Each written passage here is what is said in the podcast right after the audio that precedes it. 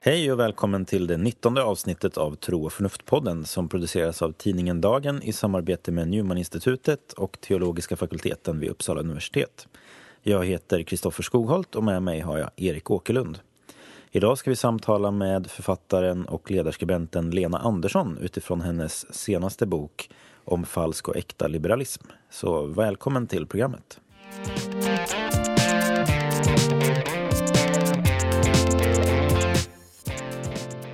Ja, då är det dags för ett nytt avsnitt av Tro och förnuft-podden. Och eh, idag har vi läst en bok som, om man bara läser titeln så kanske man undrar lite grann varför ska de diskutera den här boken. Men den är ju väldigt filosofisk och den handlar till ganska stor del om behovet av filosofisk kunskap. Så en viktig kritik i Leon Anderssons bok är att i den västerländska moderna kulturen och inte minst i Sverige så finns det en föreställning om att vi så att säga klarar oss med empiri och empiriska observationer. Och det leder till ett synsätt som hon menar inte förmår grundlägga till exempel den liberala ideologin eller ideologin om de mänskliga rättigheterna och sådana där saker. Så vi väljer ju att läsa den här boken för att den är en intressant analys eller diskussion kring vad filosofin har för plats. Liksom. En plädering kan man säga, en stark plädering för filosofi i väldigt klassisk bemärkelse. Sen kan man ju tillägga att det förstås är relevant också för religiösa och kristna frågor rörande religionens plats i samhället och fråga om eh, menar, hur, huruvida och i vilken mån man kan uppfostra barn religiöst och ha religiösa skolor och sånt. Så även det så att säga, politisk den politiska filosofin är förstås relevant, ja. men det, det, är egentligen inte därför som vi egentligen Nej. går in på det, utan det har mer att göra med pläderingen för, eh, för filosofi, för filosofi i klassisk bemärkelse och för kritiken då utav det här filosofilösheten egentligen och hennes analys utav, utav det. Mm. Och vi kommer ju ta upp mer, det, precis som du säger, en kritik utav att det är ren empiri mm. som är det enda som, som behövs, men hon menar ju att det där har lett till, till andra saker som vi kommer in på sen med postmodernism och sånt där. Mm. Ja, precis. För hon gör ju lite oväntade kopplingar mellan positivism och eh, konstruktivism och postmodernism. Eh, ja. Föreställningar. Som... För man tänker sig att det är två olika mm. kulturer, eller två vitt skilda kulturer ja. på många sätt. Men hon sätter ihop dem. Då. Precis. Mm. Um, men om vi bara lite, jag kan inleda med att läsa ett citat som hon har i boken som eh, klargör då vad hon menar med det här med att empiri inte längre räcker till. Och eh, bara kort säga någonting om vad, vi, vad som menas med empiri eller empirism. Det är ju sinneserfarenheter och empirismen är ju tanken att vår kunskap grundas i sinneserfarenheter. Och så som hon beskriver empirism så är det också liksom föreställningen att det räcker med sinneserfarenheter. Um, så vi, allt annat blir liksom tillägg till eh, den egentliga kunskapen. Att, att vi föds egentligen som tabula rasa som det heter då, som tomma ja. ark och så skrivs ja. det på oss och för att komma ner till vad vi egentligen vet så måste vi gå ner till vad exakt som har, som har skrivits på oss och då är det ren sinneserfarenhet och precis som du säger så resten är tillägg som snarare exakt. kan förvilla. Och då är ju en, en av hennes poänger är ju att eh, ren sinneserfarenhet ger oss egentligen inte någon vetenskaplig kunskap heller. Nej. Utan vi behöver tänkandet för att eh, se mönster och generalisera och koppla ihop observationer i teorier. Ja. Så det är ju så vi, vetenskap klarar sig inte heller så att säga, med ren sinneserfarenhet utan vi måste tolka denna sinneserfarenhet och sätta ihop den på ett meningsfullt sätt. Ja. Så tänkandet är, vi kanske inte alltid får syn på tänkandet som aktivitet men det är det vi gör, använder oss av när vi bedriver filosofi. Visst. Och en sån del, viktig del är just kausala kopplingar, alltså orsakssamband ja. som hon tar upp. Att det, det, det är en sak som har försvunnit då. Ja, Men det. det. är ju ingenting man ser. Det är, det... Och det är väl Jums kritik Kri va, ja. av, av, av kausaliteten, att vi inte har en observation eller sinneserfarenhet av mm. den. Så Men... då blir allting som finns är egentligen disparata, ja. ömsesidigt, så att säga, eh, själv, eh, självständiga, fristående. atomära eller enkla fakta. Just det. Sådär. Just och det, det. finns inga, inga sammanhang i världen utan det är bara vi som kan lägga på det. Ja, just det. Och de här, det vi lägger på är ju då projektioner. Det är en grundläggande skillnad här är om man tänker sig att vi, människan genom sitt tänkande eh, projicerar eh, saker och mönster på världen eller om människan genom sitt tänkande artikulerar eh, mönster som inte är föremål för enskilda sinneserfarenheter. Mm, och det kanske speciellt gäller saker på, låt säga, mellannivå. Saker som träd, människor, Ja, eh, stolar och så vidare. För vissa Mm. empirister kanske tänker sig att det finns exempelvis atomer eller subatomära partiklar, eller att det finns någonting, men det är på en sån nivå så att det är helt bortkopplat från vårt vardagsliv eller från annan sån vet vetenskaplig kunskap. Då. Mm. Och där blir det ju tydligt hur hon gör kopplingen just mellan positivism och konstruktivism. Precis. För det hon säger är egentligen att de här har samma syn, konstruktivisten och positivisten har samma syn på verkligheten. Verkligheten består av de här enskilda eh, atomära delarna så att säga och sen när vi skapar helheter då konstruerar vi dem. Eh, och då är en av hennes poänger att, att vi måste så att säga respektera tänkandet som en väg till kunskap om verkligheten för att se helheter eh, som till exempel människan eller individen eh, ja, som för eh, Lena är så att säga den grundläggande enheten så att säga som liberalismen har att utgå ifrån och försöker skapa ett ramverk, ett politiskt ramverk som respekterar individens natur av att vara självägande, att kunna Precis. styra sig själv. Ehm, Men du hade ett citat där, Ja, för, som du försökte komma till för länge Exakt, sedan. som handlade om hur eh, empirismen är otillräcklig för att grunda mänskliga rättigheter till exempel. Så skriver hon på sidan 44. På samma sätt måste empiristen och var och en som avvisar naturrätten som förlegad metafysik avgöra vid vilka tillfällen och på vilka grunder som individen faktiskt äger sig själv. Ty även de som förkastar naturrätten tycks hysa vissa rudiment av den, inte minst genom betoningen på mänskliga rättigheter. Att motivera mänskliga rättigheter på empiristisk och utilitaristisk grund är mycket osäkert. Om mänskliga rättigheter är bra för att det känns så och för att våra lagar just nu säger så går ingen säker. Och som intellektuell hållning är den direkt ofruktbar. Och här, ja men hon, eh, på ett kärnfullt sätt så, så eh, klargör hon problemet och eh, något som jag liksom uppskattar i hennes resonemang det är att det finns ju en tendens att man använder en slags vetenskaplig reduktionism mot eh, filosofiska föreställningar som man inte själv delar.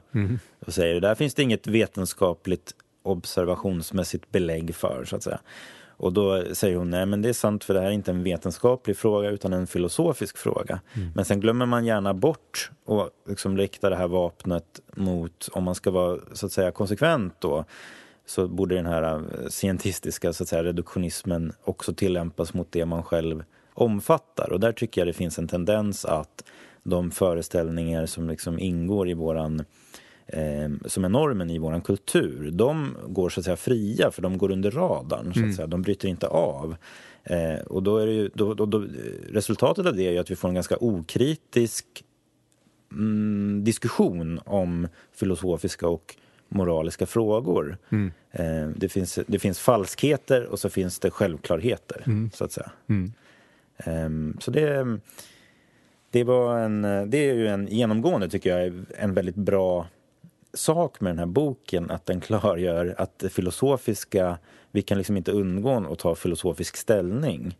Så låt oss då föra det filosofiska samtalet. Ja, för det som händer egentligen då med, med positivismen eller med, log, med den logiska positivismen och empirismen, att bara sådana här atomära fakta finns, är ju att allting annat som människor då, stolar, allting som rör sig i samhället, hur kan man då motivera det? Det kan bara komma utav människors känslor eller då människors projektioner. Och då finns det ingenting som reglerar vad som är en bra eller dålig konstruktion eller vad som är rätt och fel egentligen. Eh, och då, där hamnar vi då enligt henne just i eh, postmodernism och i en sorts sån här dekonstruktivism. Att vi avslöjar allting som egentligen bara är ett uttryck för makt eller för vilja till att härska över andra eller någonting sånt där. Då är det det enda som finns kvar och det finns ingenting, ingenting att pröva det mot. Att det skulle vara bättre eller sämre gentemot eh, nej, nej, just det. Och då, att då föra objektiv en, verklighet. Och att då föra en normativ diskussion blir nästan samma sak som att, um, så att säga, ifrågasätta någon annans perceptioner. Det blir, som ett härs det blir bara ett härskarspel. Mm. Det finns ingenting annat. Ja, ja, ja, precis, och då är det ju vem, vem i den här situationen skulle då ha den, eh, det berättigade perspektivet. Mm. Och där menar han ju att vi har hamnat i den eh, i den situationen då att det är alltid den som um, har det underlägsna perspektivet eller som kan målas ut som ett offer som har paradoxalt nog övertaget i, i den diskussionen eftersom det, det är alltid um, det förtryckta eller undertryckta perspektivet som har företräde eller som mm. eh, Och där finns det ju en paradox inblandad kan man säga därför att så, hon använder ju uttrycket falsk liberalism om ganska många fenomen mm. men, men identitetspolitik ingår ju där. Och um, hon, eh, precis som du sa, så blir, blir så att säga moralisk diskussion nästan en fråga om att preferenser är liksom ett uttryck för maktförhållanden snarare. Mm. Så det är därför som, som normer så att säga inte är någonting man kanske diskuterar om så mycket som att det handlar om vem som har inflytande över mm. normbildningen. Då. Mm. Um, men det finns en paradox inblandad här för att underförstått finns ju i kritiken av eh, dominansförhållanden som då förutsätts vara så att säga, ogrundade i en objektiv verklighet eh, så finns ju samtidigt en moralisk premiss om att eh, det ogrundade dominansförhållanden är orättfärdiga. Så det mm. finns en väldigt moralisk blick. Mm eh, samtidigt. Så det är ju intressant. Och det finns ett citat på sidan 141 där hon först så att säga drar den här konstruktivistiska synen till sin spets. Då. Alltså mm. att om man hävdar att utöver empiriska erfarenheter eller sinneserfarenheter så är det bara människans konstruktioner eller projektioner som, eh, som finns då. Och sen eh, vad eh, en kritik då som liksom bygger på den läsningen av naturen så att säga. Och då skriver hon så här på sidan 141 då. Både människa, likmask och aska är slumpmässigt sammansatta av elementarpartiklar varvid skillnaden mellan dem är en illusion konstruerad av det mänskliga psyket och byggd på en obevisbar idé om människans överhöghet. Slutcitat. Och det som, som är min poäng med citatet här, eller att ta upp citatet, är att Å ena sidan så finns det den här scientistiska blicken då som bara ser materiens minsta beståndsdelar som det verkligt verkliga. Men samtidigt finns det en analys av hur vi gör en hierarki, projicerar en hierarki. Men eftersom den är inte grundad i verklighetens natur så är den orättfärdig. Och den här moraliska kritiken av orättfärdiga eh, maktrelationer den kan vi ju inte heller observera i i, i, med den här scientistiska blicken. Och då, det finns så man, man har en tendens att glömma bort att man har en moralisk blick också. Mm. Eh, och då kommer jag att tänka på ett begrepp som används i den klassiska retoriken för vissa typer av argumentationer där den första premissen inte behöver utsägas. Och då, det kallas för entymem och det står för det som hålls i tanken.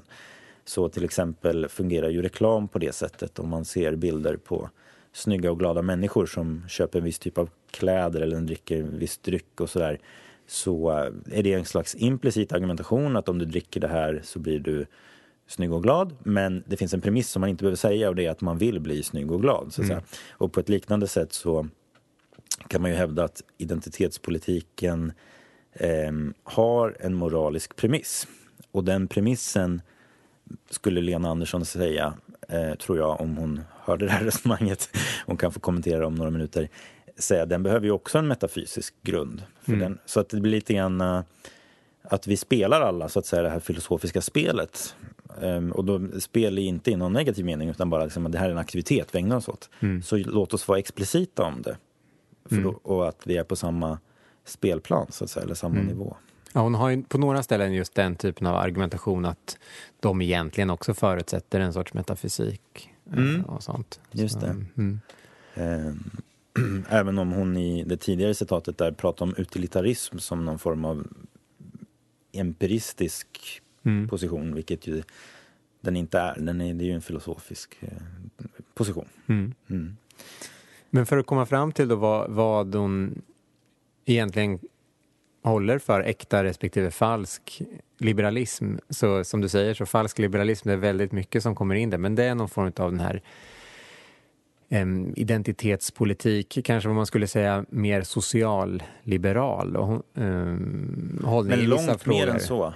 Långt ja visst, så. absolut. Jo, men, men kontra vad hon ibland kallar den äkta då, för klassisk liberal. Mm. Eh, så lite överraskande så räknar hon ju in både John Locke och Karl Popper som att de står i den här mer falska traditionen. John Locke och Karl Popper brukar ju räknas in som två huvudsakliga figurer i, i den här liberala traditionen. Och istället då så utgår hon i de, bland de klassiska filosoferna från Platon och Aristoteles, vilket kanske är lite överraskande mm. Mm. I, i, sammanhanget. Mm. Men det har ju just att göra med hennes betoning av klassisk metafysik, att man måste återupprätta, hon ser behovet utav, eller den grund som måste läggas i klassisk filosofi och klassisk metafysik för den här klassiska liberalismens anspråk när det gäller människan.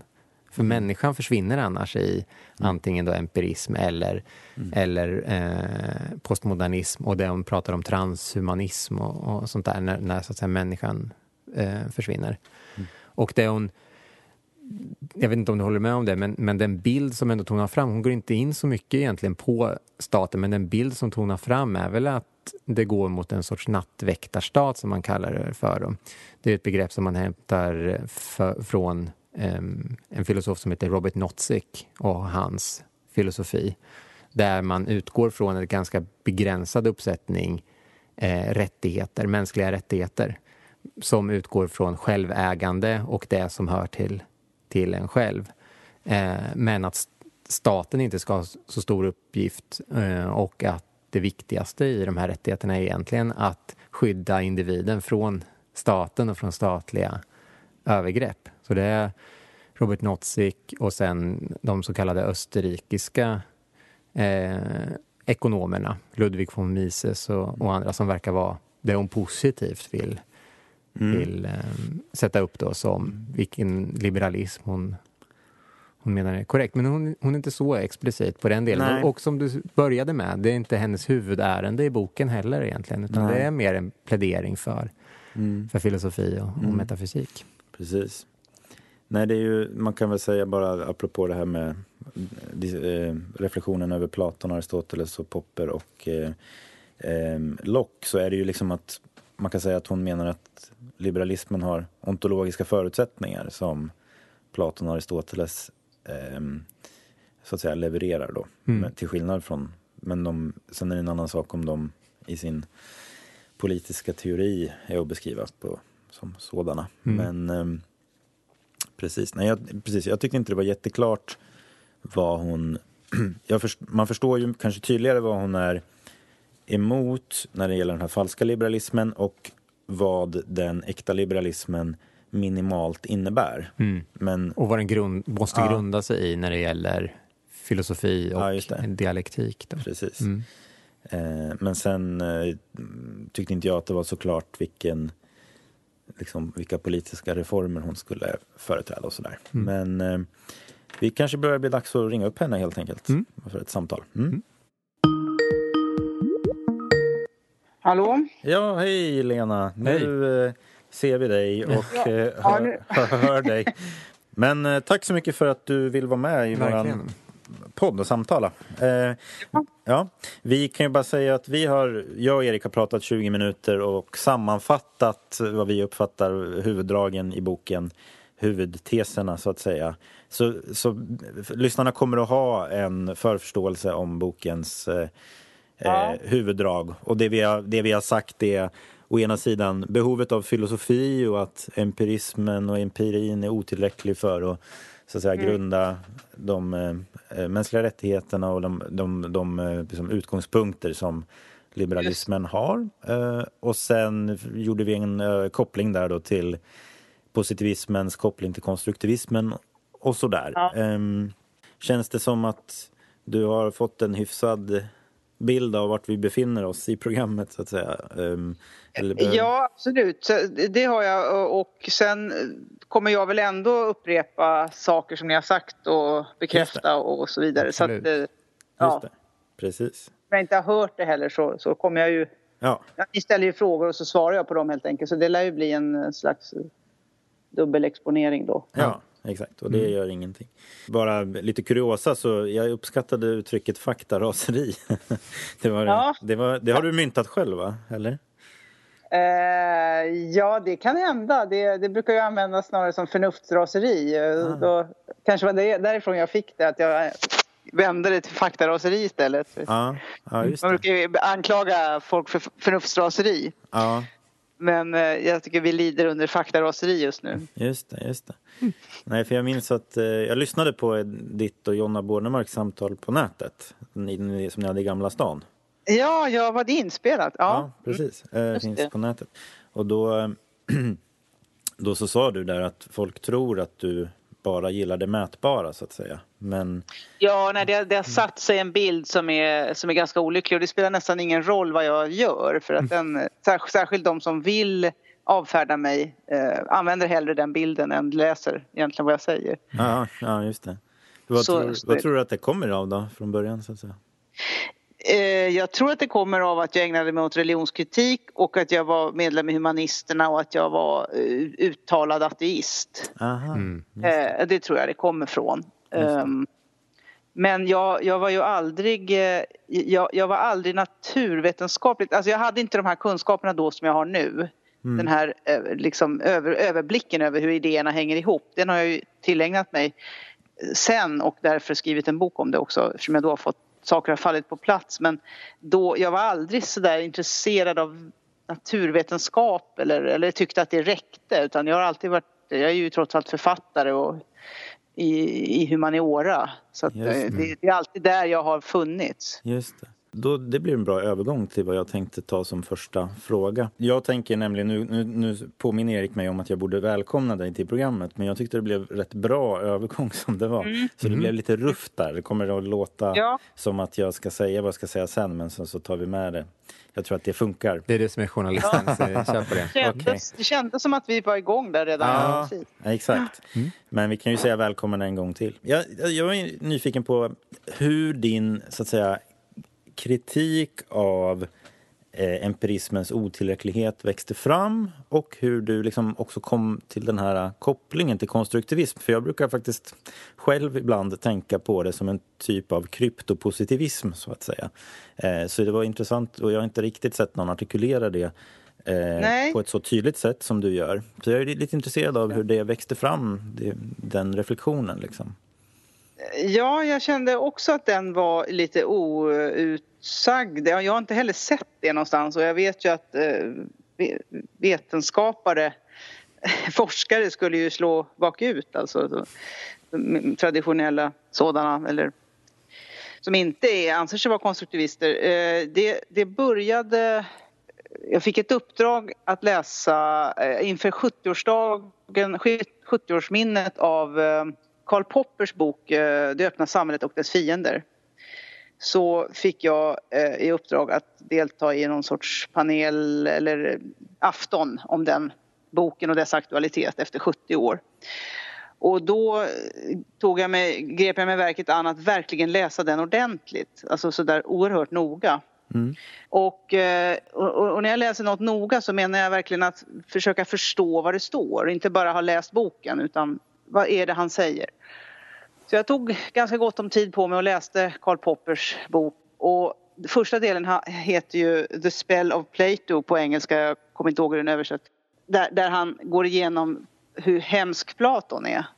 Eh, det, det är en av hans stora idéer att Platon har förstört allting och leder fram till marxism och fascism och, och det är Poppers idé. Och jag tyckte nog att när jag läst ut Popper att jag såg drag av postmodernism hos honom. eh, som jag blev väldigt intresserad av. Alltså eh, att ingenting har natur, ingenting går att fastställa och när också Platon är den stora fienden eh, därför att han verkligen trycker på att tingen har natur, fenomenen har natur, det är det vi ska söka. Så jag tyckte då att Popper var ganska antifilosofisk även om han är filosof själv och han är kunskapsteoretiker. Och så, eh, så upp, såg jag det här draget och började tänka vidare på det. Mm. Och, sen, och då, då, började jag också läsa Platon no, noggrant. Det mm. håller jag på med fortfarande för det är ett stort projekt. Mm. mm. Och upptäckte den där kopplingen och sen, sen började jag se den lite överallt och lite mer och mer. Att det där, att, där, där snarare poststrukturalismen då som är en del, ja, postmodernism och poststrukturalism är ganska lika har den har hakat på naturvetenskapen, tror jag man kan uttrycka det. Mm. Den, den tar rygg på naturvetenskapen. Genom att eh, man tror att den är alltså föraktar all sanning men i själva verket säger den det är så oerhört lite som, är, som vi kan veta och, och inte ens det kan vi ju veta säkert för det ändrar sig till nästa år och nästa mätning. Och därför är i stort sett allt som är relevant för oss är bara berättelser. Mm. Så det var så det började då. Det är bara mm. några år sedan ändå. Mm. Ja, det är intressant för jag kan tänka mig att ett skäl till att vissa inte upptäcker kopplingen är att man pratar ibland om de två kulturerna och att mm. empirism och positivism det är en, en viss typ av, ja men du nämnde naturvetare, det är en sorts naturvetar eh, kultur då eh, och eh, postmodernismen är någon mer ja, humanistisk. Man sitter på café i basker och dricker rödvin. I, i, den, I den traditionen, så om man tittar på det på det sättet så verkar de ju vara ytterligheter. Men det är jätteintressant att du kommer från det hållet och kan se de här eh, ja, i, att de närmast är identiska om man kokar ner till vad de, vad de ja. rent idémässigt påstår egentligen och hur de hur Ja, verkligen. Och inte minst att de också avvisar när du nämner idéer, de avvisar ju idéer som mm. något existerande och egentligen avvisar filosofin. Mm. Eh, metafysiken är ju någonting man ska bli av med för den stör ju bara fakta insamlandet och tolkningen av fakta. Det är liksom fördomar vi, mm. som gör att vi... Och, det, och där är ju poststrukturalisterna och postmodernisterna helt med om, säger det där är bara godtyckligt sammansatt av dina fördomar. Mm. Eh, så att ehm, det glädjer mig också att, att ni ser det här för då, då, då, kan man, eh, då kan man börja tala ordentligt. Alltså den här kopplingen tror jag är viktig eh, att se och jag, jag, ser den sen hela tiden i, i hur man i, i, i media och alltså att man inte har någon som helst bas att stå på. Man kan inte anta någonting. Mm. Och eh, naturvetenskapen den, den eh, brukar ju annars anse att den sök, den är noga med att söka sanningen och att det är det den håller på med. Eh, det gör den ju, mm. men det är en sån ytterst liten begränsad del av, vilket den också erkänner, att det är oerhört lite vi vet och, eh, och, och, på något sätt blir det ju då att vi egentligen inte vet någonting som blir, som blir huvudbudskapet. Mm. Jag tycker det är intressant om man får borra vidare bara lite där i här Platon och Aristoteles. Det är väldigt oväntat när man börjar läsa att eh, du hänvisar just till Platon och Aristoteles eh, i en bok om, om liberalism.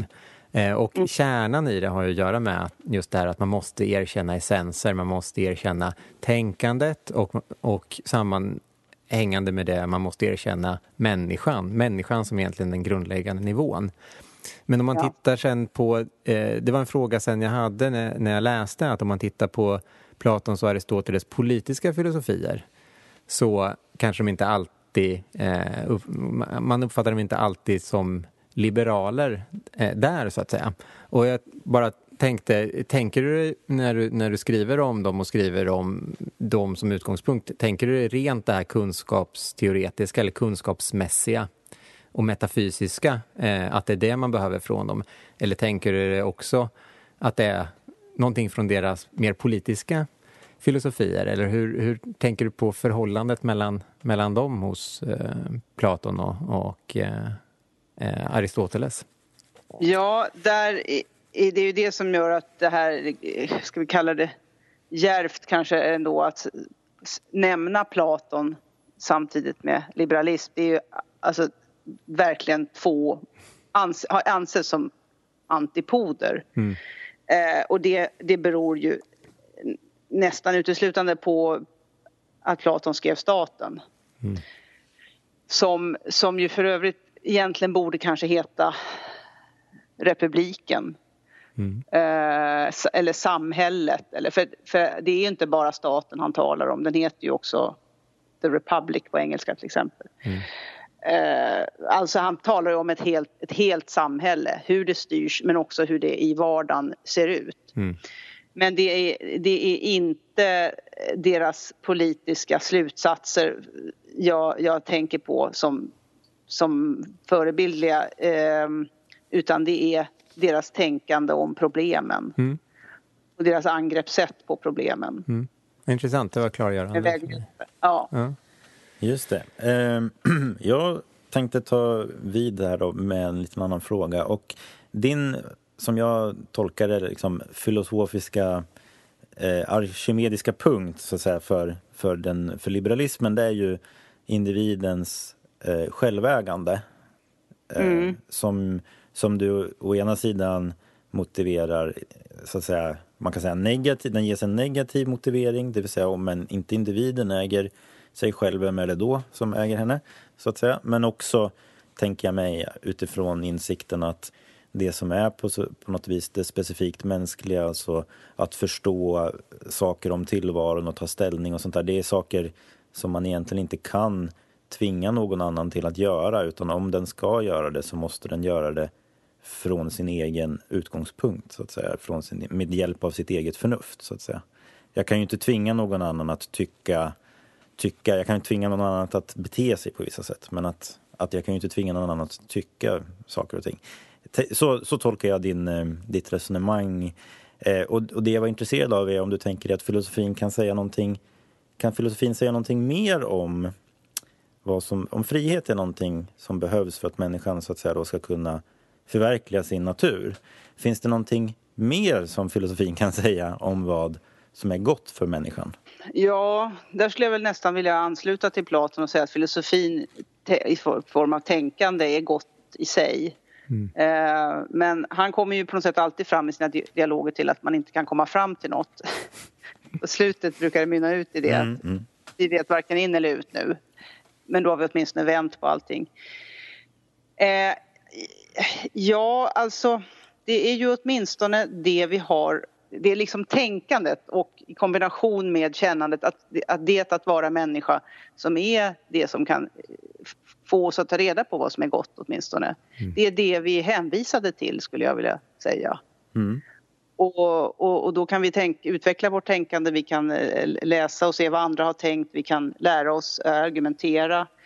Eh, och, och så, så, i den meningen är vi, vi är filosofiska varelser vare sig vi vill det eller inte. Mm. Det är väl en av mina poänger. Och därför så kan filosofin det, det, är den vi behöver träna oss i och använda hela tiden och, in, och inte stoppa undan. Eh, alltså det värsta är ju när vi som i, i samtiden gör allt för att stoppa undan den, alltså trycka ner den i oss därför att oj nu, alltså så fort någon tänker en filosofisk tanke, eller ska vi säga en rudimentärt filosofisk tanke så, så, så är nästa tanke nu är jag fördomsfull. Lite förenklat. Mm. Uh, För att man har gått ut, utöver den rena vetenskapen så att säga? Ja, ungefär så. Uh, just det. Eller det som man kan läsa i någon forskningsrapport uh, då. Och, och, det blir ju stympat och det blir obegripligt och det blir konstigt. Vi litar inte på, på oss själva längre. och det är accelererande tycker mm. jag, i vår tid. Så vi, vi är filosofiska varelser. Vårt mm. tänkande, det är vår särart, eh, att vi har den här sortens tänkande. Mm. Eh, det, betyder inte att vi är, bättre, för jag kan vara med på att vi, det går inte att... I någon slags makromening går det inte att säga vad som är bättre eller sämre. I den meningen behöver man vara nihilist. Jag menar fåglarna är bättre på att vara fåglar än vad vi är på att vara fåglar. Men vi är bra på att vara människor. Och människor har vissa särdrag ja, som skiljer oss från andra. Och det, de är att kunna tänka metafysiskt. Alltså mm. tänka om tänkandet. Så... Och tänka om tänkandet om tänkandet. Ja, just det. Uh, jag tänker tolka dig som att det du säger på ett sätt är att om det finns någonting mer än ska vi säga, den filosofiska friheten eller friheten att filosofera så är det genom att filosofera som vi i så fall upptäcker det. Ja, det kan man säga blir slutsatsen. Ja, vi, vi, kommer inte, vi måste i alla fall gå via mm. Ja. Alla som ska avskaffa förnuftet och ifrågasätta förnuftet, de måste ju göra det med hjälp av förnuftet hela tiden. Ja, precis. Jag vet inte, är, du, är du bekant med en filosof som heter Charles Taylor? Uh, ja, ja, är det han i Kanada? Ja, precis. precis. Mm. Han har skrivit en bok som heter uh, The Ethics of Authenticity. Um, mm. Och där har han ett intressant resonemang om hur för att han kallar det det moderna självförverkligande idealet som han menar finns i två varianter. Ett, ett, bra, ett äkta och ett falskt, skulle man kunna säga. han använder, pratar faktiskt om ett perverterat eh, självförverkligande ideal och ett liksom, mer autentiskt. Då. Och det han kallar för det autentiska så att säga, implicerar att det jag väljer emellan är inte helt likgiltigt. Så han har ett ganska intressant exempel. Om det ska vara ett ideal att jag lever medvetet och reflekterat och gör reflekterade val så kan det inte bara vara insignifikanta val jag gör utan det jag väljer mellan måste ha betydelse redan innan jag väljer det. Och han har en intressant, han tar, säger så här, jag kan inte säga, jag kan liksom inte säga att I did it my way för jag valde stekt potatis istället för pommes frites utan det mm. måste vara mer signifikanta val och då, så han, och då, då liksom landar han i att den här horisonten eller den kontext där jag gör mina val måste redan vara eh, värdeladdad innan jag väljer. Eh, mm. så, så han drar en linje från betoningen av medvetet och fritt eh, reflekterat och fritt valt liv till en värdehorisont då, som föregår ja, han, människans val. Mm. Ja, och, då, och han har ju då, menar han då alltså att vi vet Nej, det tror jag inte han nödvändigtvis menar. Um, inte i någon enkel bemärkelse i alla fall. Uh, men alltså inte så att vi skulle kunna hoppa över den filosofiska reflektionen. Nej, men, men däremot så är det inte han menar, vad, vad, polemiserar han emot när han säger det där? jo, emot? han polemiserar emot en konstruktivistisk syn på värden. Ja. Så han säger att vi upptäcker dem, men vi upptäcker dem ju det står inte alls i någon slags motsatsställning till att vi upptäcker dem just genom filosofin. Så att säga. Nej, det, jag, jag, är med på det. Det är väl ingen slump heller att han har skrivit en tjock bok om Hegel. Eh, som om herre och slav och relationen och, och det. Eh, som ju också är något som man har helt... Alltså Hegel är ju... Eh, jag har inte läst mycket Hegel men, men han är ju på något sätt också någon sån där... Ja, förlegat Ja, just det. Som han är genomfilosofisk verkligen och inte eh, empirisk. Nej, nej precis.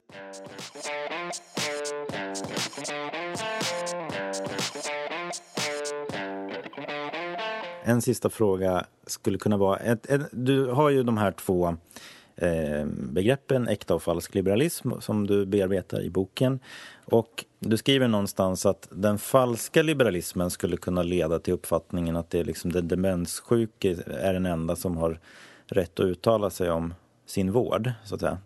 Eh, eh, det har inte jag skrivit, eller jo, har jag skrivit? Jo, det står det i. Ja, precis. Ja. Och, och, och då slog det mig att här finns det ju en annan skulle då kanske säga att det där är paternalistiskt att säga att någon annan än den demenssjuke ska, ska bestämma över vården, så att säga. Ehm, eh, men, men det som slog mig där var att en del av den här, du kom in lite grann på det med ehm, skepticism inför liksom att natur, att verkligheten har en struktur och det där kan man ju om man vill koppla till faktaresistens då, eh, som du inte pratar så jättemycket om i boken vad jag minns.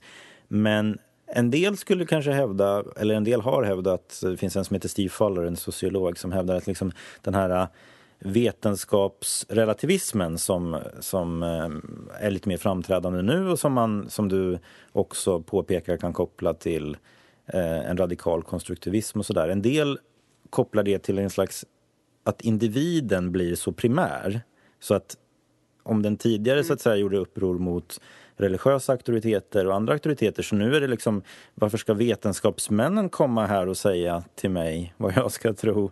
Jag får väl fatta mina egna beslut så att säga. Och då, då skulle man, om man är lite djävulens advokat här då, vill ställa frågan, finns det, finns det någon koppling från den äkta liberalismen till ett sådant perspektiv? Eller vad, vad i den äkta liberalismen är det som, som eh, så att säga, skyddar oss från en sån radikal individualism? Eh, ja, faktiskt ganska mycket. Eh, därför att den äkta liberalismen som jag formulerade i den här boken är ju att den inte är subjektivistisk bara. Jag skiljer på subjektivism och individualism. individualismen är ju vår relation till staten och just det här självägandet.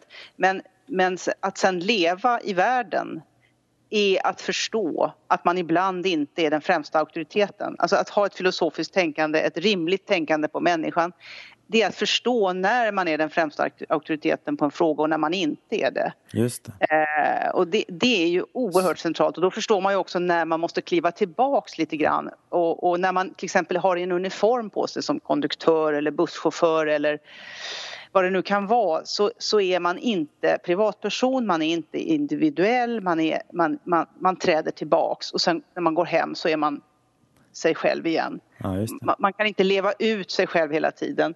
Och när det gäller eh, vård är ett bra exempel. Eh, då, jag vill ju gärna gå till en läkare eller vi människor vill gå till en läkare för att den, inte för att jag ska köpa läkemedel av den. Det är, inte, det är inte en serviceinrättning för att köpa läkemedel. Det är ju faktiskt för att den ska säga också du ska inte ha läkemedel för det här. Mm. Du ska göra det här. Eh, och det, och det, är inte auktoritetstro i någon slags eh, då, auktoritär mening utan det är helt enkelt vi, vi kan olika saker för att vi har tränat oss på olika saker. Det, det är ett av de, mm, kanske en, nästan det viktigaste budskapet i min bok. Eh, att, att helt enkelt kunna orientera i det som är att vara människa. Så den falska liberalismen kan man säga förväxlar individualism och subjektivism? Ja, det skulle jag säga är dess främsta kännetecken. Mm. Uh, och, och så, därför att den också har gjort, är lite empiristisk och har gjort upp med, uh, med idén om att uh, världen går att förstå därför att det är så mycket, för mycket osäkerheter tycker de. Ja, så, så, så, så, så är känslan blir en sorts empiri. Mm. Mm. Ja, men jag känner det här, då är det sant. Då är det det enda jag kan vara säker på. På det filosofiska området så är känslan eh, empiri, så att säga. Eh, om jag först, ja, i, i det här.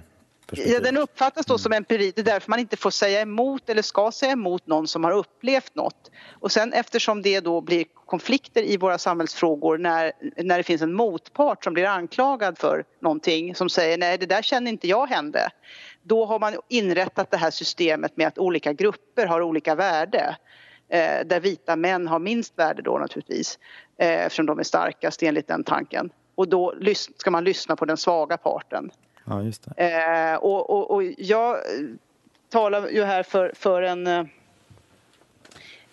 en, en, möjlighet att det ska gå att resonera sig fram tillsammans Eh, med sig själv men också tillsammans eh, människor emellan till en rimlig hållning till detta där, där, där, vi kan enas faktiskt om vad som är rimligt att, att anse. Eller också kan vi inte enas, men vi kan åtminstone enas om att det är rimligt att ställa frågan.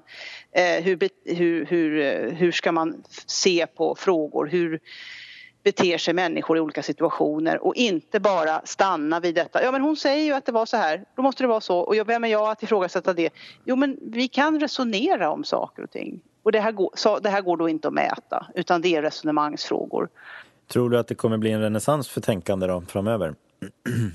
Måste bli det, men då måste vi, då måste vi komma över de här låsningarna. Eh, att, eh, att det är förlegat och, mm och eh, fördomsfullt. Eh, att varje tanke man har egentligen är fördomsfull och bara ska dekonstrueras eh, som fördomsfull. Man, visst, man kan alltså det, det, är mycket som behöver dekonstrueras. Det, jag har inget emot att man dekonstruerar myter och antaganden och traderade dumheter. Det ska vi hela tiden göra.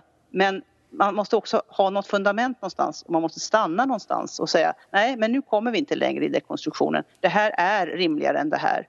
Och annars får du presentera övertygande, eh, övertygande resonemang om varför jag har fel. Alltså helt enkelt resonera oss fram istället för att omedelbart skrika efter en forskningsrapport. Mm. Mm. Hur eh, ser det ut för dig då med den här boken framöver? Har du, liksom, tänker du att det kommer att väcka, väcka debatt och sådär? Um, ditt ärende, hur, hur ser du på liksom mottagandet av boken framöver? Ja, den har ju kommit ut nu i mars och eh, jag tänker väl att det mesta nu har gjorts. Eh, jag vet inte, det är svårt att veta om det kommer bli någonting mer. Eh, eh kan ju hoppas men ja, det, det, det, är motvind liksom för det här så att det, det, är, det är några få som är intresserade och då är jag glad att ni och, och de vill diskutera det för att eh, det, är så på så många punkter den här inte säger det man ska säga. Alltså, till exempel bara den här tanken att det finns idéer och att de inte är historiskt betingade bara och sånt där. Det, det, är, ju, det är ju en tanke vi har anses ha lämnat bakom oss alltså för, för 150 år sedan. Mm. Jag, jag tycker det är helt fel, men, men naturligtvis. Men, eh, så det, det är ju uppförsbacke, det är mycket man ska ta itu med för att komma vidare. Mm. Men samtidigt så finns det en förtröstan i att människor funkar ju så här. Vi, vi, vi tänker ju på det här sättet. Det enda är att vi, dölj, vi gömmer våra tankar. Vi, när vi lär oss att vi, just det, okej okay, nu, nu, ja just det, den där tanken ska jag inte ha, nej. Då, då stoppar vi undan den, men den är ju där i alla fall. Så mm. vi, vi, har ju alltid en potential för, för att kunna ta oss an det här. Mm. Men vi har haft tre filosofer som gäster i den här podden. Då. Dels är det dig och så är det Åsa Wikfors, eh, professor i teoretisk filosofi vid Stockholms universitet. Och jag vet att du kallar dig författare vid filosofiska intressen. Mm. Eh, och sen mm. Jonna Bornemark då. Men, men eh, alla tre kan man alla de här tre böckerna som, eller alla mm. de här mm. tre, det, kan jag ändå sägas vara ett, ett försvar för filosofi. Och det finns ju mm. någon likhet mellan ditt ärende och Jonna Bornemarks ärende just i det att eh, vi behöver gå bortom så att säga det mätbara och det vi rent det empiriska så att säga. Så att det, man skulle kunna säga att det finns en slags filosofisk motrörelse eh, som, ja. som har lite olika accentueringar kanske.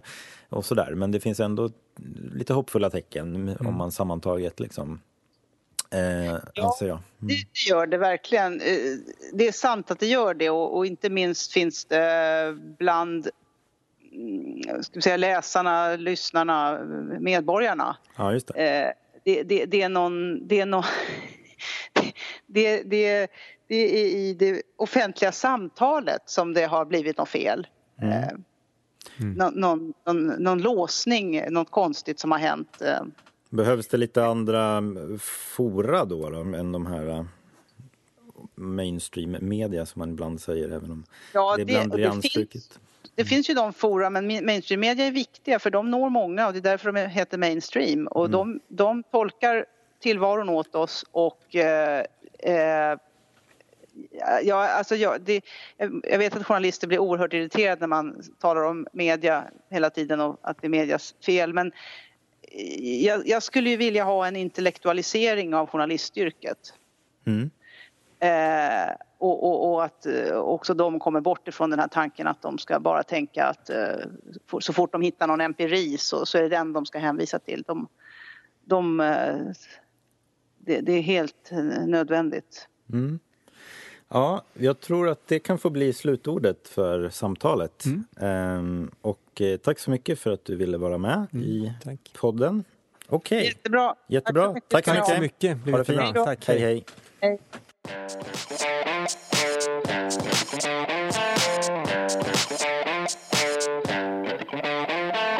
Ja, då har vi fått prata med Lena Andersson mm. en stund. Vad tänker du om samtalet? Det var intressant. Det kanske var lite oschysst på ett sätt gentemot hennes bok på det sättet att vi ju inte gick in så mycket på det vi sa var hennes huvudärende, det här med eh, filosofiska och att det är viktigt att kunna komma fram till essensen av saker och ting och så vidare. Utan vi gick ju över lite grann på det som kanske eh, hon inte tar upp då, men det är ju vanligt att man gör det lite hur hon mer explicit tänker sig den här staten och det politiska. Men, men titeln å andra sidan är ju eh, om falsk och äkta liberalism. Så utifrån det så är det väl ändå naturligt att man kommer in på lite just politisk filosofiska frågor och det är ju ändå det som hon menar att det är huvudärendet ska leda till. Att låt säga hyfsa den, den eh, offentliga debatten eller den politiska debatten. Mm. Um, men det var intressant att höra henne resonera. Mm. höra henne tänka live, så att säga. Mm. Ja, precis. Just det. Nej, men precis, för det är väl så att det finns en mer generell tes som hon tillämpar mm. på frågan om hur vi kan tänka politiskt, mm. så att säga. Um, och hon gav ju ett väldigt klart svar på den här frågan med Platon och Aristoteles och, och deras politiska, mm. politiska filosofier som för mig då var mm. väldigt klargörande. Um, hur hon tänker sig och, och, vad hennes ärende är. Så att säga. Och jag kommer att tänka på nu en, en, artikel som du skickade till mig förut inför det här avsnittet. En artikel av Sakine Madon som är eh, ledarskribent på UNT.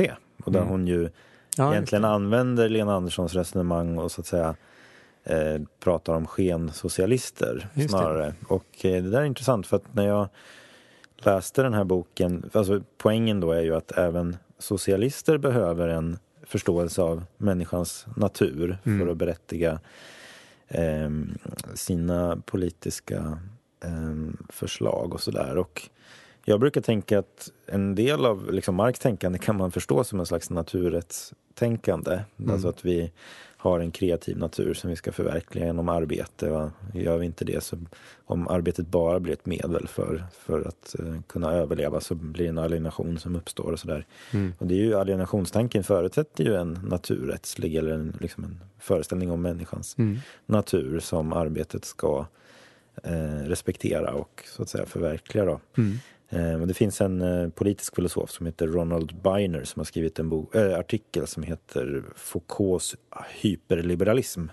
Och där, där går han liksom, han gör samma kritik fast från lite mer vänsterhåll då. Mm. Där, där han ähm, säger att, och det, det var lite det som var min fråga där med hur, hur formas de här myndiga individerna? Liksom, mm. De växer inte upp som kantareller i skogen utan det behövs ett sammanhang där man kan formas så att säga. Och då mm. blir det en större um, vision skulle mm. man kunna säga. Men, men det var kul. Jag tycker det är roligt att hon har skrivit boken. Verkligen. Um, och man märker också att hon hon låter sig föras dit hennes resonemang leder henne. Det, det är en, en egenskap man verkligen uppskattar. Mm. Mm. Jo, precis. Hon har någon slags lust i sitt tänkande, om mm. du förstår. Mm. Det finns en lustfylldhet i att tänka. Mm. Och det är ju... Intellektuell glädje. Ja, mm. precis. Det är ju ett värde som vi vill försöka realisera här också, kan mm. man säga. Men eh, vi kanske får avsluta så. Mm. Och eh, så hörs vi om en månad ungefär igen. Mm. Tack för nu. Tack, hej. Hej.